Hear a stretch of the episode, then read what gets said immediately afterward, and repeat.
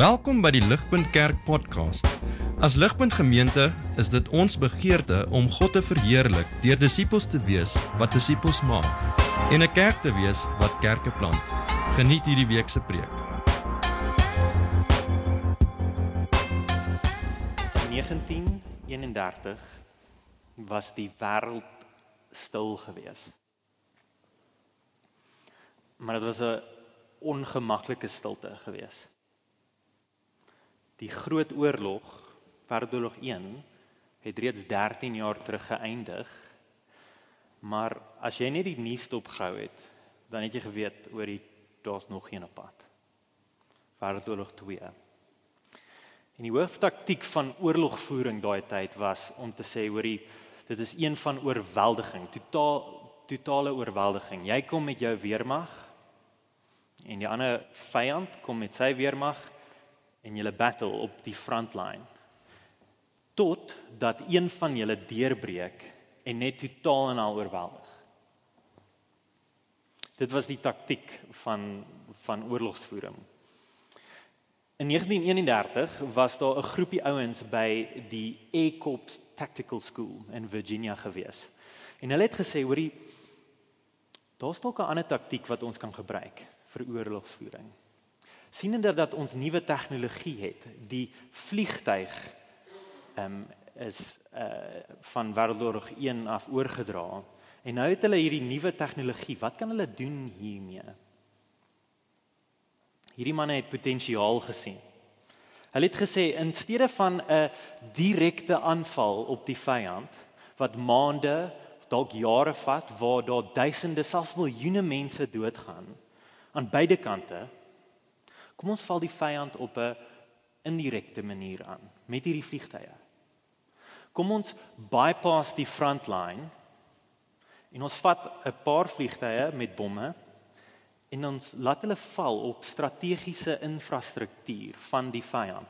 Plekke soos elektriese kragopwekkers, ehm um, voedselstoorhuise, watertorings. En dit is die ding wat die vyand se moed heeltemal gaan breek binne dae. Jy hoef nie jare en jare te veg teen die ander kant se weermag nie. Binne 'n paar dae dan gaan hulle die wit vlag op opsteek. Ons val hulle lewensbron aan. Hulle het dit precision um bombing genoem. En op hierdie manier wen jy die oorlog sonder om deur die sterk voorste linies te veg. Jy kom van die kant af en jy kom na die hartjie van die vyand toe, daar waar hy vulnerable is. Gebruik die meer indirekte en subtiele manier van aanval ehm um, as die direkte aanval nie werk nie. In vandag se brief aan die kerk in Pergamum gaan ons sien dat Jesus, ons koning en ons kaptein, vir sy kerkie in Pergamum waarsku vir ons waarsku en sê hoorie ek weet julle is in 'n oorlog. En dalk sien julle die direkte aanval van Satan die vyand. Julle sien die vervolging wat plaasvind. Maar pas op. Pas op vir die indirekte manier wat Satan julle aanval. En so vanaand wil ons kyk na wat is daar die subtiele geheim aanval wat Satan ehm um, gebruik en wat Jesus die kerk uh, wil waarsku. Dit is wat ons in ons teksgedeelte gaan sien. Kan ek vra, kan julle dit by julle oop hou soos wat ons ehm um, deur die teks werk? Ons is in die reeks getiteld Die sewe kerke van Openbaring en in hierdie reeks sover het ons gesien Openbaring gaan oor 'n openbaring van Jesus self, 'n prentjie van Jesus self. Ehm um, en hy gee dit vir sy kerke sodat hulle kan perspektief uh, kan bekom en bemoediging kan vind in die tyd en plek waar hulle nou lewe. Jesus word beskryf as hierdie militêre figuur wat uh, oorwin het oor al sy vyande. En dan gaan die boek van Openbaring aan en ons sien hierdie Jesus pen 'n uh, persoonlike briewe aan elkeen van sy kerke. Ehm um, van Klein-Asië in daardie tyd. Elkeen van hierdie briewe wil hy soos 'n kaptein 'n boos 'n boodskap gee wat hulle gaan help eh, in die oorlogstryd waarin hulle self bevind. Die stryd om getrou te bly aan sy naam terwyl die vyand, die Satan, allerlei maniere probeer om hierdie kerkie op te breek. En vanaand is die kerk in Pergamum. Nou, ons moet 'n bietjie konteks verstaan van waar die kerk uh van Pergamum geplaas was. Pergamum was een van die uh, mees invloedrykste stede van die kultuur op daardie stadium. Dit was die politieke en die godsdienstige senter van Klein-Asië gewees. En op elke hoek van die straat was daar 'n 'n tempel en 'n afgod om te aanbid. Die kerkie het heeltyd dit in die gesig gestaar.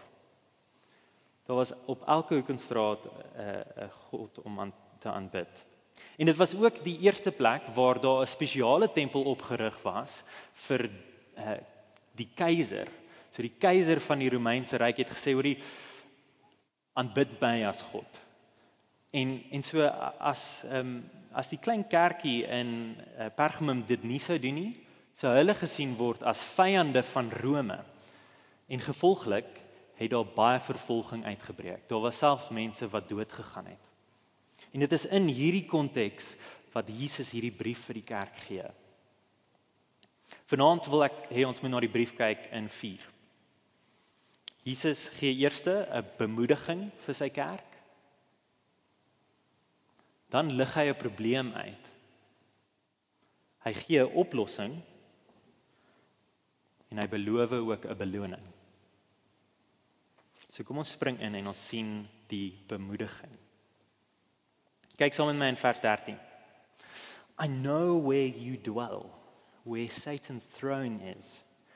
Yet you hold fast to my name and you do not deny my faith, even in the days of Antipas my faithful witness who was killed among you where Satan dwells. Jesus sê ek weet. Ek sien raak. Ek sien waar jy jouself bevind. Ek sien hoeveel verleidings jy rondom julle het. Daar's 'n tempel van 'n een van 'n God oral. Ek weet julle voel omring deur die duisternis. En tog is julle getrou aan my naam. Ek weet dat julle hulle kos. Ek weet dat julle vervolg word soos soos Antipas. Ek sien hom. Ek het gesien hoe hy doodgemaak was vir my naam. En tog bly julle getrou. Jesus wil hulle bemoedig om te sê ek sien dit. Ek sien dit raak. Jesus wat self deur hierdie dinge gegaan het, soos wat hy deur die einste Romeinse ryk gekruisig was, maar wat nou heers op 'n troon op die troon sê vir hulle ek sien raak. Ek weet dat dit jou kos om getrou te wees aan my naam, maar ek sal nie vergeet nie. Ek sien dit raak en ek sal julle onthou. En ek dink dit is 'n bemoedigende boodskap vir hierdie kerkie soos wat hulle vervolg word. Hulle word erken deur Jesus. Maar dan Jesus stop nie daar nie. Hy sê vir hulle: "Maar pas op." En dit is die tweede ding wat ek wil hê ons moet sien. Daar is 'n waarskuwing. Daar's 'n probleem in hierdie kerk. En dit is die ding wat ek wil hê ons moet meeste na kyk. Dit is die uh, groot hart van vanaand se teks. Jesus sien 'n swakpunt by hierdie kerk se lyn van verdediging teen die Satan. 'n plek waar Satan besig is om deur te breek. As jy in die aand uh jou huis wil sluit, uh want jy gaan nou gaan slaap. Jy gaan sluit die voordeur. Almal stem saam. Maar jy los dit nie net daar nie. Jy gaan deur die huis en jy maak seker die vensters is toe. Jy kan kyk of die agterdeur ook gesluit is. Jesus sê pas op. Maak seker dat julle agterdeur ook gesluit is. Ek sien die voordeur is gesluit. Julle bly uh, getrou aan my naam ten spyte van die vervolging wat julle beleef. Maar pas op. Daar is ander maniere wat die Satan kan inkom en julle kerkie kan verwoes. En dit is wat Jesus nou vir hulle ehm um, aan wil waarsku vers 14. I have a few things against you. You have some there who hold to the teaching of Balaam, who taught Balak to entice the Israelites to sin, so that they may so, so that they ate food sacrificed to idols and committed sexual immorality. Jesus sê daar is valse lering in julle midde. En Jesus sê pas op, die voordeur is toe, maar die agterdeur is waalwyd oop. Daar is mense in julle midde in hierdie kerkie wat valse lering aan vashou en dit lei tot 'n verkeerde lewe. En hy sê hoorie die duiwel het hierdie taktik alreeds probeer in Israel van ouds. En so dit is waar die storie van Balaam en Balak vandaan kom. Ehm um, as jy blaai na ehm um, ek dink die die derde, die vierde boek van die Bybel, Numeri, lees ons van hierdie storie. In Numeri 22 lees ons van Balaam en Balak. Ek gaan dit vir ons paraphrase. Balak was 'n Moabitiese koning gewees. Die Moabite was 'n groep mense, 'n nasie wat heeltyd in stryd was teen die Israeliete. Hulle het nie van die Israeliete gehou nie en hulle het hulle aangeval en aangeval, maar hulle kon nie hulle oorwin nie. Toe kom Balak en hy sê ek kort 'n plan. En toe sien hy hoorie daar's 'n prophet for hire wat sy naam Balaam was. Hy was 'n heidense profeet gewees en Balak employ Balaam en sê hoorie, kan jy asseblief gaan en vir die Israeliete vervloek, 'n vloek, 'n curse op hulle sit. En Balaam like die idee want hy wil graag um, geld in sy sak hê. Maar soos wat hy um, gaan om hulle te vervloek en die woorde wil so uit sy mond uitkom, kan dit nie. In steede van 'n vloek kom daar kom daar net seëning uit. Hy hy wil hulle vloek en dan gebeur dit nie. En dan dan seën hy hulle.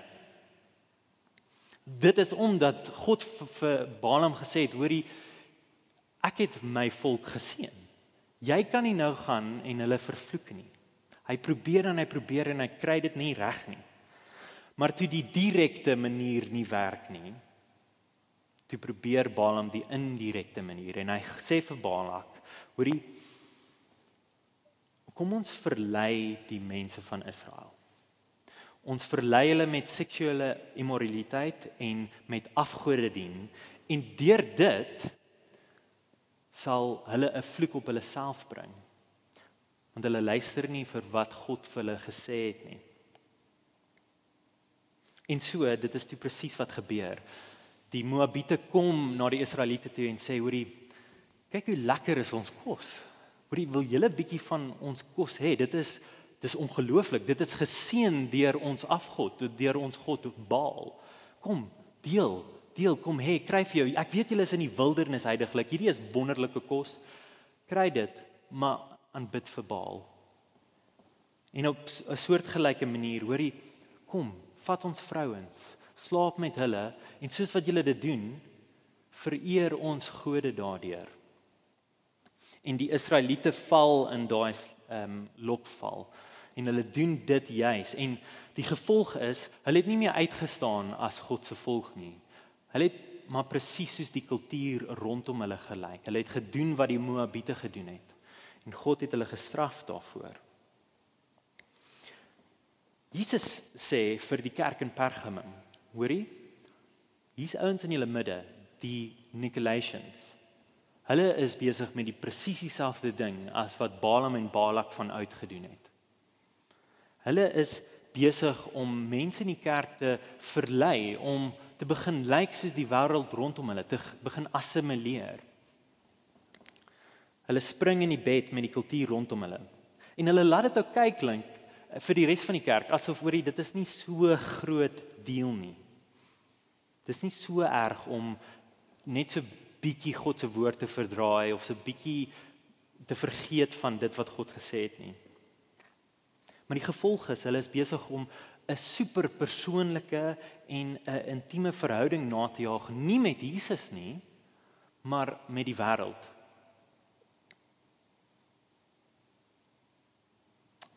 Hulle eet maaltye van afgode wat uh, van van kos wat um, aan afgode ge, gedien is en hulle slaap met prostituie. En en Jesus sê dit is wat gebeur wanneer valse lering by die kerk inglip.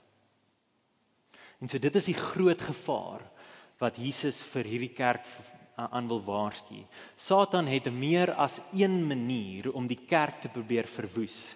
As hy nie dit gaan regkry om die direkte manier um, in te kom nie, dan gaan hy die kerk probeer infiltreer op 'n ander manier. Maak dit sin?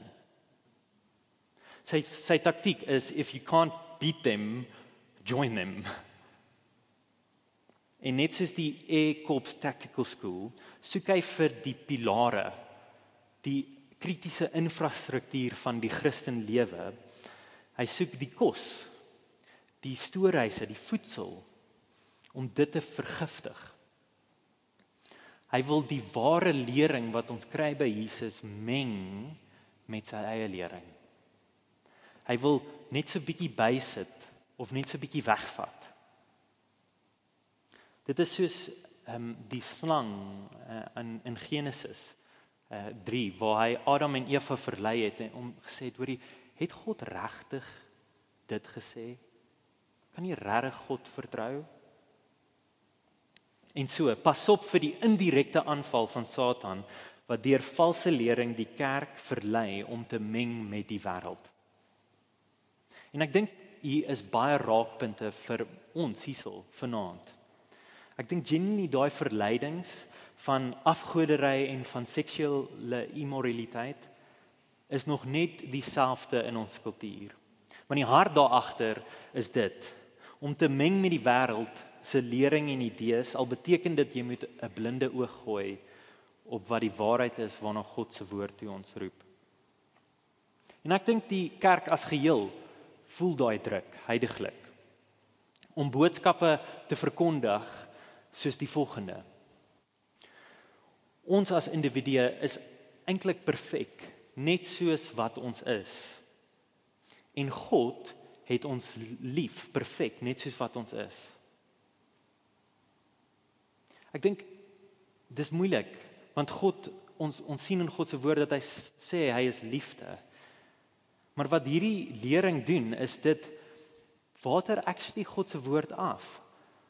Dit water God se ehm um, definisie van liefde af want as ek en jy perfek is hoorie hoekom moes Jesus dan eintlik nou kom hoekom hoekom was dit nodig dat hy dood gegaan het aan 'n kruis hoekom moet ek na nou hom toe kom dit voel vir my asof die die um, druk op die kerk heidaglik is om te vergeet van die woord sonde Daar is nie eintlik so ding so sonde nie. Ons kan nie mense aanspreek oor sonde nie. Dinge wat verkeerd is in my en in jou. Dinge wat ons gebroken maak. Maar dis nie net iets wat die kerk voel nie. Ek glo dit is iets wat ons as individue ook voel. En so kan ek vir jou vra, is daar valse lering wat jy dalk self mee rondspeel vanaand? en wat jou lei na die afgode van ons tyd. Wat wat ek bedoel daarmee is dinge wat jy vir jou lewe gee, uh, dinge wat jy jou lewe uh, voor inrig wat beloof dat dit vir jou sal sorg. Ek dink eer voorbeeld hiervan veral in die ooste van Pretoria is werk en geld. Ons kultuur sê vir ons as jy genoeg geld het, as jy hard genoeg werk, dan jy sort dit. Dit is die goeie lewe en die gelukkige lewe om soveel as moontlik geld te hê. Want geld gee vir jou ultimate sekuriteit. Geld is die ding wat vir jou sal voorsien, jou gelukkig maak, jou bevredig. Dit is die ding wat vir jou sal sorg in hierdie onsekere tye waarin ons lewe. Ek dink ons voel daai druk doen ons nie. Die punt van vandag se teks is: wees versigtig vir die duiwel se slinkse aanval wat jou wil kry om daai waarheid te glo. Daai leuen te glo, skus. Om die die waarheid van die Bybel te verlaat en onsself te wil assimileer met wat die wêreld sê. Dit is die probleem wat Jesus aanspreek. En so ons gaan na die volgende ding toe. Jesus los ons nie daar nie. Hy sê hier is die oplossing. Lees saam in my vers 16. Therefore repent. If not, I will come to you soon and wage war against them with the sword of my mouth. Them die mense wat aan valse lering vashou. Die eerste ding wat Jesus ons na toe roep is bekering. Bekeer jouself, draai weg van daai valse lering, laat dit gaan en volg vir my. Volg vir my. Hou vas aan my woorde. Doen doen 'n 180. Hou vas aan my woorde. En so hier is 'n goeie vraag wat ons vir onsself kan afvra. Is ek en jy betrokke genoeg in mekaar se lewens om te sien waar daar dalk valse lering mag posvat in ons harte? Is is iemand naby genoeg aan jou om dit vir jou te doen en jou aan te spreek? En is jy dalk naby genoeg aan iemand om dit vir daardie persoon te doen? Want want ons sien hierso dat dit die kerk is wat as geheel aangespreek word. Die kerk moet bekeer. Dit is nie goed dat valse lering net geduld word in die kerk nie, selfs as jy nie self daaraan vashou nie. Jesus roep die hele kerk daarna om te uh, om te bekeer. En so kom ons maak seker dat ons weet wat in mekaar se lewens aangaan. Kom ons maak seker dat ons eerlik is met die plekke waar ons sukkel of ehm um, die sonde wat ehm um, verleidend is vir ons, waar waar ehm um, ons hang, harte na hinker. Maar kom ons wees ook deel van mekaar se lewens sodat ons die res van mekaar se lewens sal verstaan en weet wie daai persoon is. Kom ons deel maaltye met mekaar ehm um, en ons ons leer mekaar ken. As ons nie bekeer nie, is Jesus se volgende woorde dit. Ek gaan self kom en ek gaan oorlig maak teen daardie mense in julle midde met die swaard van my mond. En julle dit is ook die prentjie wat ons aan die begin gehad het. Jesus word beskryf as die een wat die twee snydende swaard uit sy mond uit het. En dit is hierdie prentjie wat wat die kerk behoort te help in hierdie ehm um, stryd waarmee hulle sukkel. Want hierdie prentjie van Jesus kommunikeer dat hy die regter is. Die een wat oordeel. Hy het oorwin oor sy vyande en nou sit hy op die troon en hy kan ehm um, ehm um, reg of weg sê. Maak dit sin? Laat ek dit laat ek dit weer sê.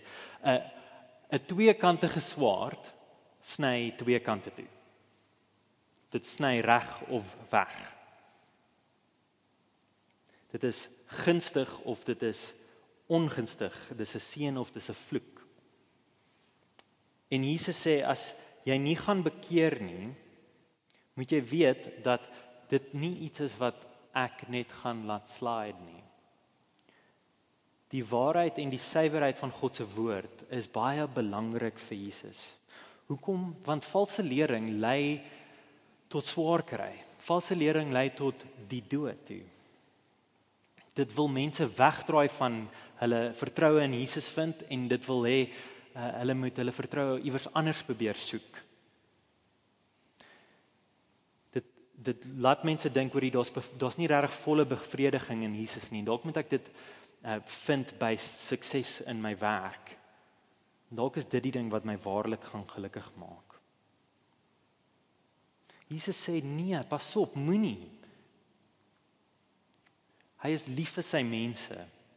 En hy wil hy wil hê sy mense moet alleenlik aan hom vashou. En so hy sê ek is bereid om oorlog te kom maak teen hierdie mense as hulle nie terugdraai nie en ek gaan dit doen met my woord. Jesus gaan self ingryp in die lewe van sy kerk om hulle weer op die regte koers te bring en hy gaan oordeel voer. En so ek het gedink daar's dalk 'n behulpsame ehm um, ding net hier om te verduidelik oor hoe hoe kan ons sê dat Jesus se oordeel liefdevol is? En so dink saam met my oor die volgende voorbeeld. Ek en my vrou het in die laaste paar maande ehm um, was ons baie by die tandarts gewees. En elke keer as ek in die tandarts instap dan word my bene flou. Ek geniet dit glad nie daar nie. As die tandarts na jou tande kyk en hy sien oor die daar is 'n infeksie op jou tand. En dit is 'n probleem. Hierdie infeksie gaan sprei uh, versprei en dit gaan dalk selfs onder na jou kaak toe beweeg en jou kaak wegvreet. Dit is baie serieus, right? Die liefdevolle ding vir hierdie tandarts gaan wees om daai tand te trek so gou as moontlik. Hy hy gaan nie sê oor die ag jou tande lyk so mooi, ek moet dit net jy moet net alles hier los. Hy sê nee, haal dit uit, trek dit, vat dit weg. Dit gaan seer wees. Dit gaan sny. Dit gaan nie lekker wees nie, maar dit is vir die die beswil van die res van die mond. Die liefdevolle ding is om my tand so gou as moontlik te trek. Op dieselfde manier dink ek dit is 'n bemoedigende boodskap dat Jesus sê hy is die een wat soveel omgee na sy kerk dat hy sal oordeel voer. Hy sal veg vir sy kerk. Hy het sy kerk baie lief en hy sal nie laat die kerk net wegval nie. Hy sal nie laat die siekte versprei nie.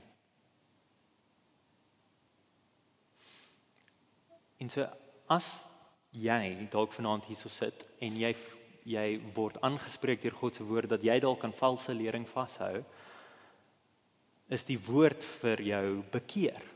Bekeer jou.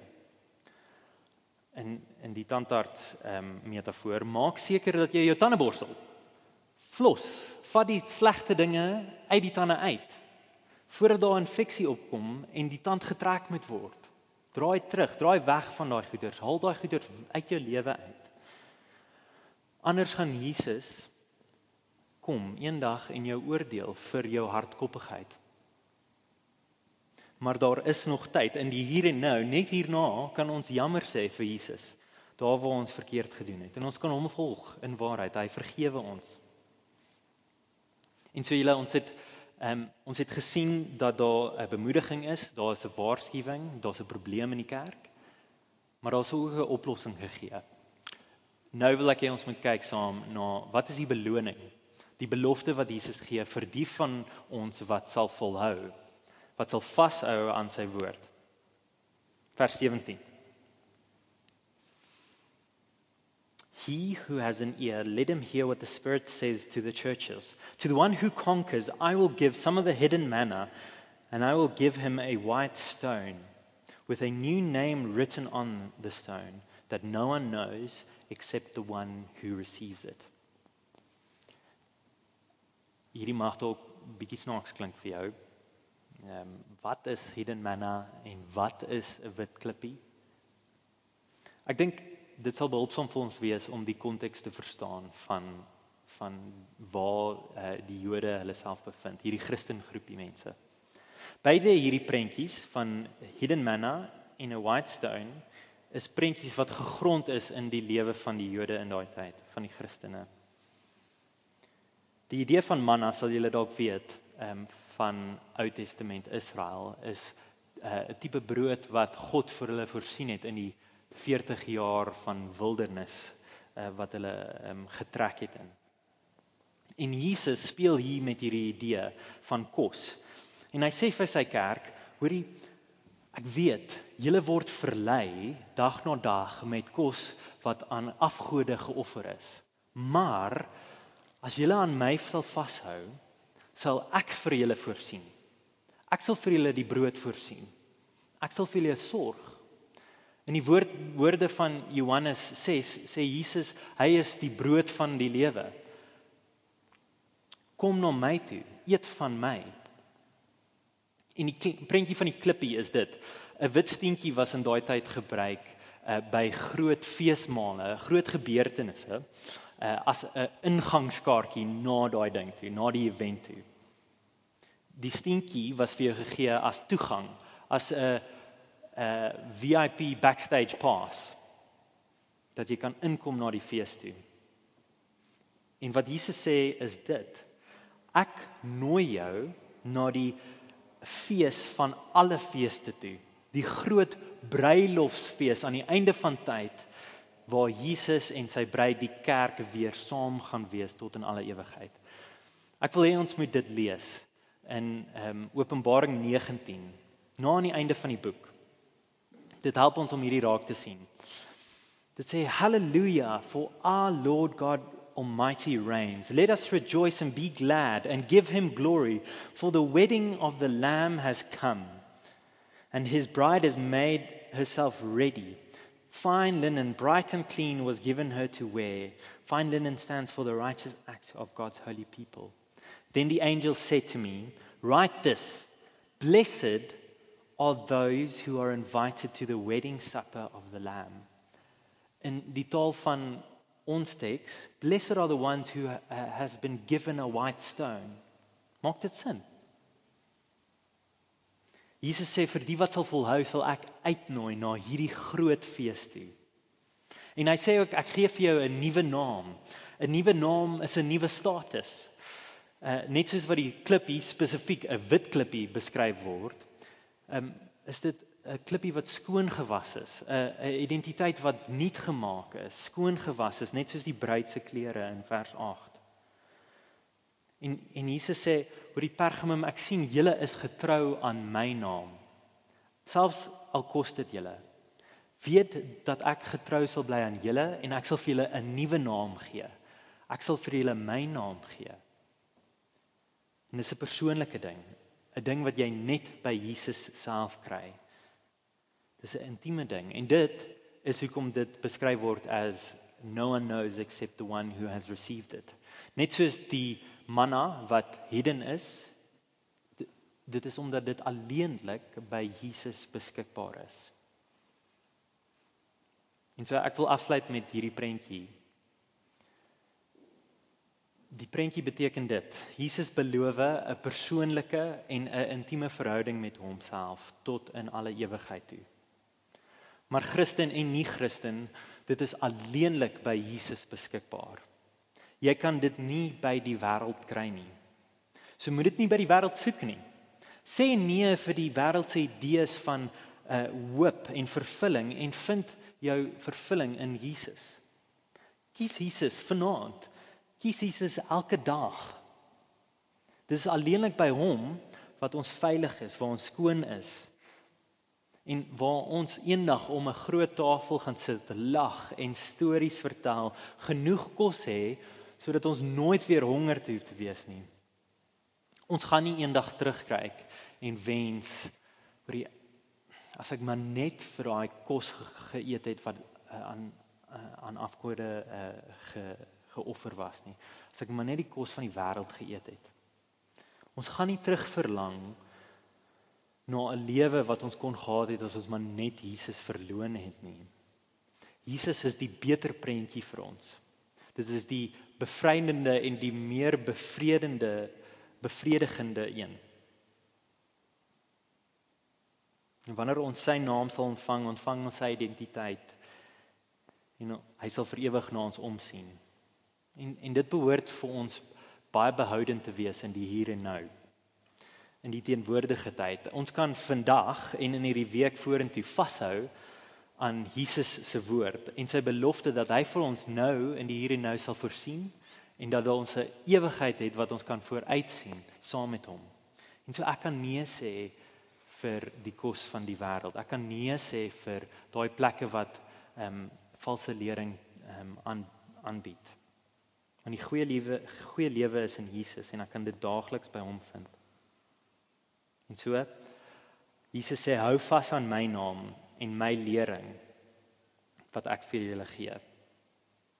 En weet dat as julle getrou bly, sal ek vir julle sorg. Ek sal vir ewig na julle omsien. Soos die wêreld nooit sal kan nie. En ek sal vir julle eendag saam met julle uh, rondom 'n tafel sit en ons sal fees vier. Kom ek bid vir ons.